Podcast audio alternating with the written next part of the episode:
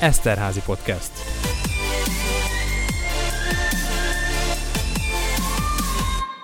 A Kortárs Hangon nemzetközi irodalmi pályázat 17 éve működik sikerrel. A kezdeményezés célja a hallgatói tehetséggondozás, illetve megjelenési lehetőség biztosítása a fiatal torfolgatóknak. Vendégeim dr. Kusper Judit egyetemi docens és Jónás Zoltán szervező, akik egy kis bepillantást fognak engedni a verseny kulisszái mögé. Köszönöm, hogy eljöttek. Mi köszönjük, a meghívást. a meghívást.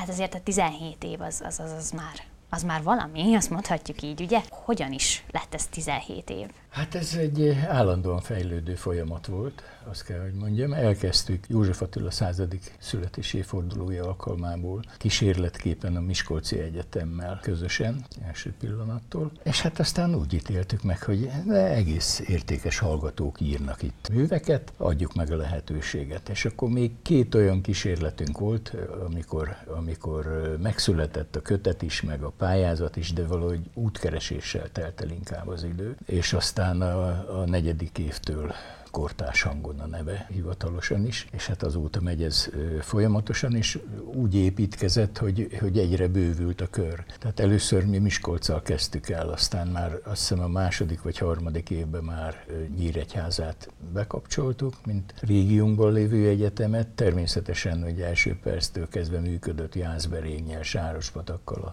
kapcsolat, akkor még önállóak voltak, és aztán a hatodik, hetedik évtől pedig nemzetközi vált a dolog, mégpedig abból indultunk ki, hogy hát nagyon sok magyar fiatal tanul a határon túli magyar egyetemeken, és őket vegyük úgy, mintha mi hallgatóink lennének. És így került képbe Komárom, Nyitra, Kárpátalja, Beregszász, Ungvár, és hát Nagyvárat, Kolozsvár, Marosvásárhely, Csíkszereda egyetemi karai. Szeretem karként emlegetni inkább, mint egyetemként, mert hiszen a bújainak is négy kara pályázik például, tehát jó őket külön venni csinálni. Marosvásárhelyben van egy karuk meg.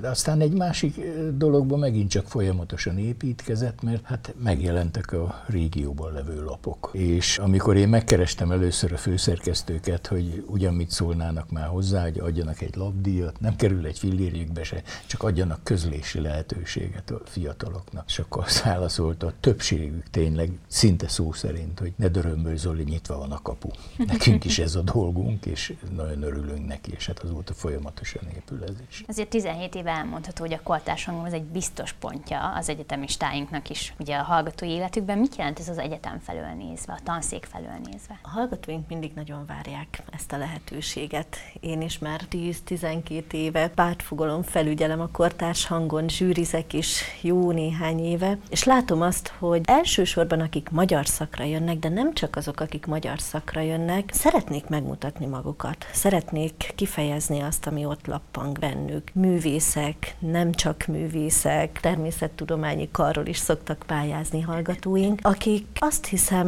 nagyon kevés teret kapnak az ilyen jellegű megszólalásra. Be kell látnunk, be kell vallanunk azt, hogy például a magyar tanárképzésben sem hangsúlyos az, hogy kreatív írást tanuljanak, bár van ilyen kurzusunk, hál' Istennek néhány éve is nagy sikerrel fut, de ez még mindig csak egy szabadon választható kurzus. Viszont ezek a 18-20 éves diákok, akik belecsöppennek egy, egy egészen új közegbe, megjelennek az egyetemen, szeretnének hangot is találni maguknak. Szeretnék, hogyha meghallanák őket a kortársaik is, vagy mi felnőttek is. Ez nagy tapasztalat mindig, minden évben a pályaművek elolvasásakor, hogy annyira fontos kérdésekkel foglalkoznak, annyira jelentős problémák jelennek meg, annyira jó, hogy ki tudják mondani, ki tudják fejezni azt, ami bennük lakozik. Ha ezt nem teheti meg egy, egy fiatal, akkor, akkor őrölni fogja magában, akkor hordozni fogja, nyomasztja, és tulajdonképpen azt hiszem, azt elmondhatjuk, hogy az írás, legyen az akár prózai, akár lírai mű, mindig terápia is. Segíti őket abban, hogy egy kicsit önmagukra találjanak, és az, hogy ez éppen itt az Eszterházi Károly Egyetemen valósul meg, egy óriási lehetőség. Nagyon fontos vállalkozás volt ez, nem is véletlen, hogy ennyire sikeres ez a vállalkozás, azt hiszem. Pedagógusokat képzünk elsősorban, persze nem kizárólag, nekik azt hiszem kifejezetten kifejezetten fontos az, hogy megtalálják önmagukban mindig ezt a szubjektív ént, akár azt a gyermekét, a fiatalkorét, aki, aki kapcsolódni tud mindig másokhoz. Pici kiegészítés hozzá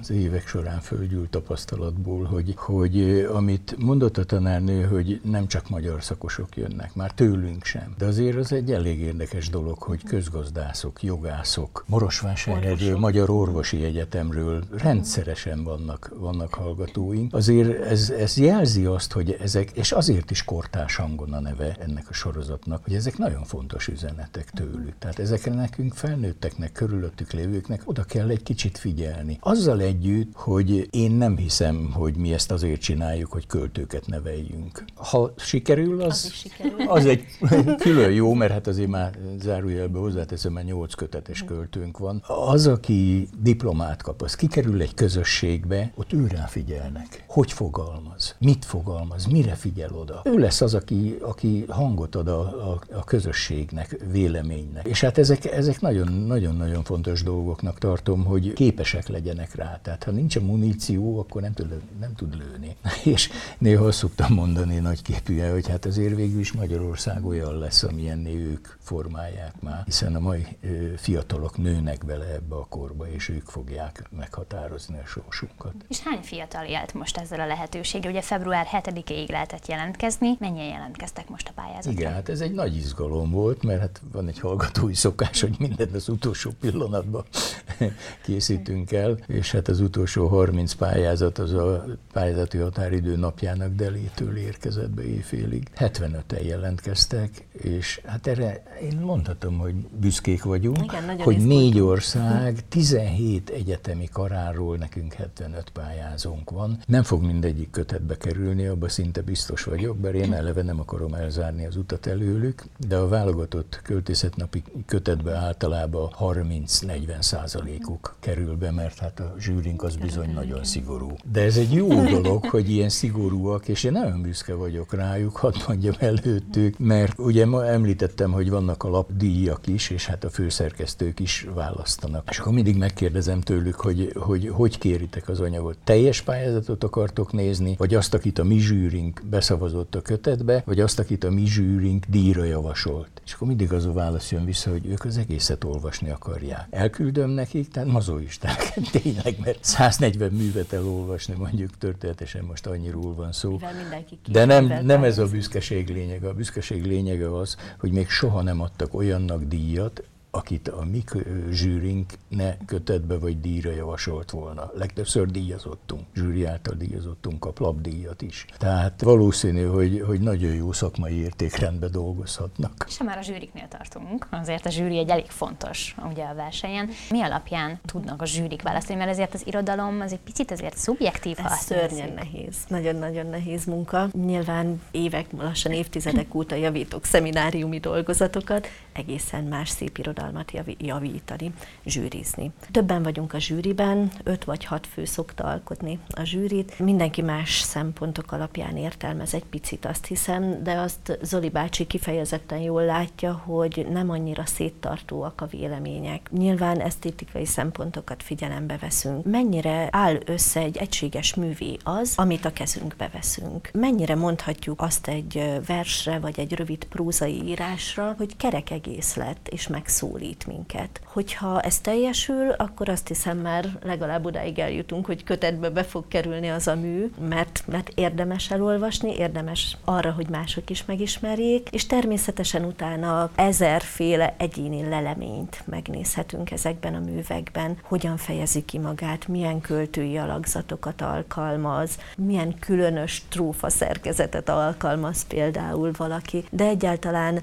lehet az mondjuk egy prózavers is, vagy a próza prózai műveknél át tudja adni azt a nagy gondolatot, vagy azt az érzést, amit közvetíteni szeretne. És az idén én kifejezetten kíváncsi vagyok arra, hogy hogyan fognak működni ezek a szövegek, mert azért ilyen helyzetben még nem voltunk. Nyilván mindannyian látjuk, tudjuk, hogy mindenkit megviselt az elmúlt egy év, és olyan ö, mentális, lelki traumák dolgoznak a fiatalokban is, amiknek a feldolgozására nagyon kevés segítséget kaptak eddig. Diákok otthon padlón ülnek lassan egy éve kis megszakítással. Ez az állapot valószínűleg nagyon, nagyon különleges szövegeket fog szülni, erre majd biztos, hogy tükröződni fog, erre szerintem majd térjünk vissza az eredményhirdetés után is, mert gyanítom, hogy ebből a szempontból is akár korszakos jelentőségű is lehet egy ilyen gyűjtemény. Annak a lenyomata, hogy ez a korosztály, tehát a, a, a fiatal felnőttek, akik, akik itt állnak az életútjuk elején, hogyan tudják megérteni ezt, a, ezt az egész traumát, hogyan tudják földolgozni a borzalmat, hogyan tudják ezt rendbe tenni, mert ez is, a, ez is célja lenne természetesen mindig az írásnak. Még egy érdekesség a zsűrizésről, hogy ők egymással nem beszélnek a művekről. Mindenki a saját véleményét leadja nekem. Ott kezdem, hogy a pályázat, amikor beérkezik, akkor eltűnik a neve a hallgatónak. Senki nem tudja rajtam kívül, hogy melyik város, melyik egyeteméről, ki az a hallgató, fiú, lány, micsoda. Kap egy kódot, és ez alapján dolgozik a zsűri. A kódot csak a kötettel oldjuk fel az eredmény hirdetéskor. Átrakjuk egy pontrendszerbe a véleményeket, hogy, hogy kötetbe kerülésért, díjra, javaslatért hány pont jár, minden, és ezek a pontok adják adják ki, és amikor ezt összegezzük, akkor azért vissza szoktam küldeni mindig a zsűrinek, hogy ez jött ki. Biztos, hogy száz százalékig egyikük véleményével se ütközik, de egyfajta értékrendet tartalmaz, és egy, egy közösségnek a véleményét, mert ilyen értelemben a zsűri is egy közösség tükrözi, és hát én úgy gondolom, hogy ezzel, ezzel majd, hogy nem száz százalékig biztosítva van az anonimitás. Én azt nem mondom, hogy ha a tanárnőnek egy diákja pályázik, akkor nem fog rá is menni az írásából, de ő csak egy egy. De ő csak egy. kérdezni, hogy van-e olyan, hogy, hogy azért már érezhető, megismerhető a szöveg, Igen. esetleg a stílus? Igen, egyébként diákunk, de nem ezért ismertem föl elsősorban, hanem mert évek óta pályázó. És a stílusa már annyira kiforrott volt, hogy meg lehetett ismerni a stílusát. De, de hát nem sok ilyennel találkozunk persze. Azért ezek, ezek névtelen szövegek, és nagyon érdekes így. Sőt, még sokszor azon is meglepődünk, hogy fiú vagy lány szerzője van a szövegnek, mert nyilván olvasóként lehet, hogy oda képzelek egy beszélőt, és egészen mást képzeltem oda. Nagyon jó az is, hogy különböző életkorú kollégák vannak a zsűriben. Azt is mondhatnám, hogy akár más-más szemléletet, világnézetet képviselünk, tehát ez nem egy kis szűk szekértábor, aki kiválogatja a kedvenceit, hanem valóban nagyon sok szempont érvényesül. És ha jól tudom, akkor minden egyetemről vannak ugye zsűri tagjaink. Nem minden egyetemről. A, a házigazda egyetem, az az EGRI és a Miskolci Egyetem, onnan mindig van két-két fő, és van három olyan határon túli egyetem, akik csatlakoztak ahhoz, hogy kvázi házigazdák abban az évben, amikor uh-huh. ők kerülnek sorra. Ez a Nagyváradi, a Komáromi és a Kolozsvári Bójai Egyetem, és hát ilyenkor ők is adnak egy-egy zsűritagot ebbe, hogy a véleményük benne legyen. Végül is idénre úgy alakult ki, hogy nyolcan, Most nyolcan. nyolcan van, vannak a zsűriben, és egy picikét mi remélem nem hallják meg a többi város egyetem, mi, mi egy picit többen vagyunk, mint a többi. Általában két fő van benne, de tőlünk van. Hát most már, most már ha jól tudom, a tanszéken dolgozik, kinőtt a pályázatból Kispárdani, aki éveken keresztül díjazott első helyzet volt. Minden most már ő is zsűrizik. Mint ahogy a, a műhelyre, ami egy, az egyik legizgalmasabb feladat ennek az egésznek. Az egyik vezetője az a Magolcsai Gabi, aki ebben pályázott éveken keresztül is volt értékes díjazott. És, és nagyon, szakos hallgatónk volt. És nagyon, nagyon ügyesen csinálja ezt a fajta kreatív írásművészetet. És ha már azokról beszélünk, akik ugye kinőtték ezt a pályázatot, akkor beszéljünk egy picit arról is, mert itt a stúdió felvétel előtt elárultad, hogy a mostani kötet abban is egy kicsit más lesz, hogy lesz benne egy olyan rész, ahol már a költők, írók fognak ugye visszajönni kvázi újra megjelenni. Igen, ez is egy érdekes része ennek a történetnek, hogy elkezdtük azt először, hogy csináltunk egy pár oldal visszatekintést. És hát egész érdekes dolgok jöttek ki. Aztán felfedeztük azt, hogy ez két évvel ezelőtt volt, hogy az itt indultak, én nem azt mondom, hogy a kortás hangom miatt, de hát azért részt vettek éveken keresztül magas szinten ebben a pályázatban, azok már önálló kötettel jelentkeznek. Hát Magolcsai Gabinak a harmadik kötete van kiadás előtt, de van két kötetesünk, Posta Marcsi, aki volt hallgatónk. És hát többen vannak első kötetesek, tehát ez volt két évvel ezelőtt, most megint azt csináljuk, hogy visszatekintünk egy öt évre, és az akkori a közül Még ahhoz sem ragaszkodom, hogy, hogy föltétlenül díjazott legyen. Tehát akinek, akinek értékes írása volt, azok közül hívtam most nyolcat társul, hogy egy ilyen visszapillantó fejezetbe vegyenek részt. És hát ha már a kötetnél tartunk, akkor még azt hadd tegyem hozzá, hogy lesz egy megint egy izgalmas fejezete a kötetnek. Arra kértem a két műhely vezetőnket, hogy írja le egy tanulmányba a tapasztalatait, hogy milyen volt átállni internetre, mert hiszen tavaly sem tudtuk élőben áprilisban megrendezni a szokásos műhelyünket. Nyáron már tudtuk bábolnán csinálni, de az elsőt nem. Két ilyen műhelyünk van minden évben, hogy írják le a tapasztalataikat hogy milyen volt webfelületen tartani a kapcsolatot, hogy fogadták a hallgatók, és hát én a magam részéről is 10 centivel a talaj fölött jártam a, a, a, utána, mert, mert minden hallgató azt írta le, hogy nem, nem is gondolta, hogy ennyire lehet személyes kapcsolatot teremteni a, a netvilágában. Beszéljünk az idei díjátadóról. Ugye most még elég bizonytalan a helyzet, hogy ez meg tarthatjuk-e majd offline, vagy esetleg online kell megtartani? Mik a tervek erre? Hát ezenkor nagyon komolyan Igen, gondolkoztunk nagyon, együtt, hogy volt, mit, mit csináljunk velük, mert abban mindig megegyezünk, hogy nem engedjük el a kezüket. Tehát ha már jelentkeztek, akkor valami módon mindig megcsinálunk valamit, és zsűri elnöknőnek volt az a javaslata, hogy csináljuk meg itt a Líceumban. Tehát ha már lehet majd akkor rendezvényt csinálni, nagyon bízunk, hogy április közepén már az április 13 egy szerencsés dátum, de nem péntek kedd lenne itt a Líceumban, és akkor annyiból lenne ez egy élő dolog, hogy egyrészt a Miskolci Nyíregyházi Egri hallgatók személyesen részt tudnak rajta venni. Mondom, ha feloldjuk a vagy feloldódik addigra ez a korlát, amit nagyon remélünk, és a Liceum televízió jó voltából pedig élő egyenesben láthatja határon túli egyetem hallgatói is, tanárai is mindig. Tehát ez egy ilyen, ilyen fajta gála lesz, hogy, hogy félig élő, félig pedig interneten keresztüli kapcsolata. Még azt találtam ki hozzá, hogy akik nem tudnak jönni hozzánk ide Egerbe, és díjazottak, azoktól kérünk egy fényképet, és amikor odaérünk az eredmény hirdetésbe, akkor ő neki a képe jelenik majd meg a képernyőn, és mi, kvázi köztünk lesz mégis egy picikét, úgyhogy ennyit tudunk rajta könnyíteni. Ezzel együtt én azért titkon nagyon bízom abba, hogy a nyáron már a második műhelyinket meg tudjuk újra bábolnán csinálni úgy, hogy a határon túlról is jöhessenek, de nagyon megnyugtató volt, hogy külön dicséretet kaptunk a nagyváradi rektor úrtól. Fölhívtam telefonon, és személyesen beszéltem vele erről, hogy, hogy mit tegyünk, hogy tegyünk, de nekünk ez a véleményünk, és mondta, hogy nagyon örül neki, hogy ennyire előre gondolkodunk, hogy, hogy ne tegyük ki a fiatalokat ennek a veszélynek. Azzal együtt, hogy ráadásul a pandémiának lehet egy olyan következménye is, hogy ők is bezárkóznak, és ha meg is nyílik a határzár, akkor se jönnének el, mert mert tart az ember még. Van. Tavaly Nagyváradon lett volna a díjátadó gála, nyilván ugye elmaradt, nem csak ott maradt volna el, hanem ha itt lett volna akkor is, de, de idén sem merünk így tervezni, hogy Nagyváradra áprilisban kiutazhassunk, valószínűleg nincs is erre most sok esély, de talán így megoldható lesz, és aztán majd meglátjuk persze, hogy hogyan alakul áprilisig a helyzet. Hát azért így is egy nagy élmény lesz. Én úgy gondolom, hogy attól függetlenül, hogyha személyesen nem is találkozhattunk a díjazottakkal, azért ez egy hatalmas élmény, meg egy hatalmas eredmény megjelenni egy kötetben. Úgyhogy tulajdonképpen igazából bárki jelentkezhet, nincs ilyen megkötés, hogy csak magyar szakosok.